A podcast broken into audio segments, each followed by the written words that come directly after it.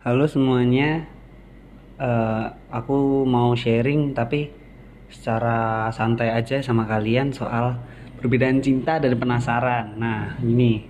Mungkin ada beberapa dari kalian karena aku punya temen juga yang main di aplikasi pencarian jodoh. Dan dia baru chat-chatan selama ya mungkin sebulan tapi nggak intens ya. Maksudnya eh, dalam seminggu mungkin cuma empat hari atau mungkin tiga hari.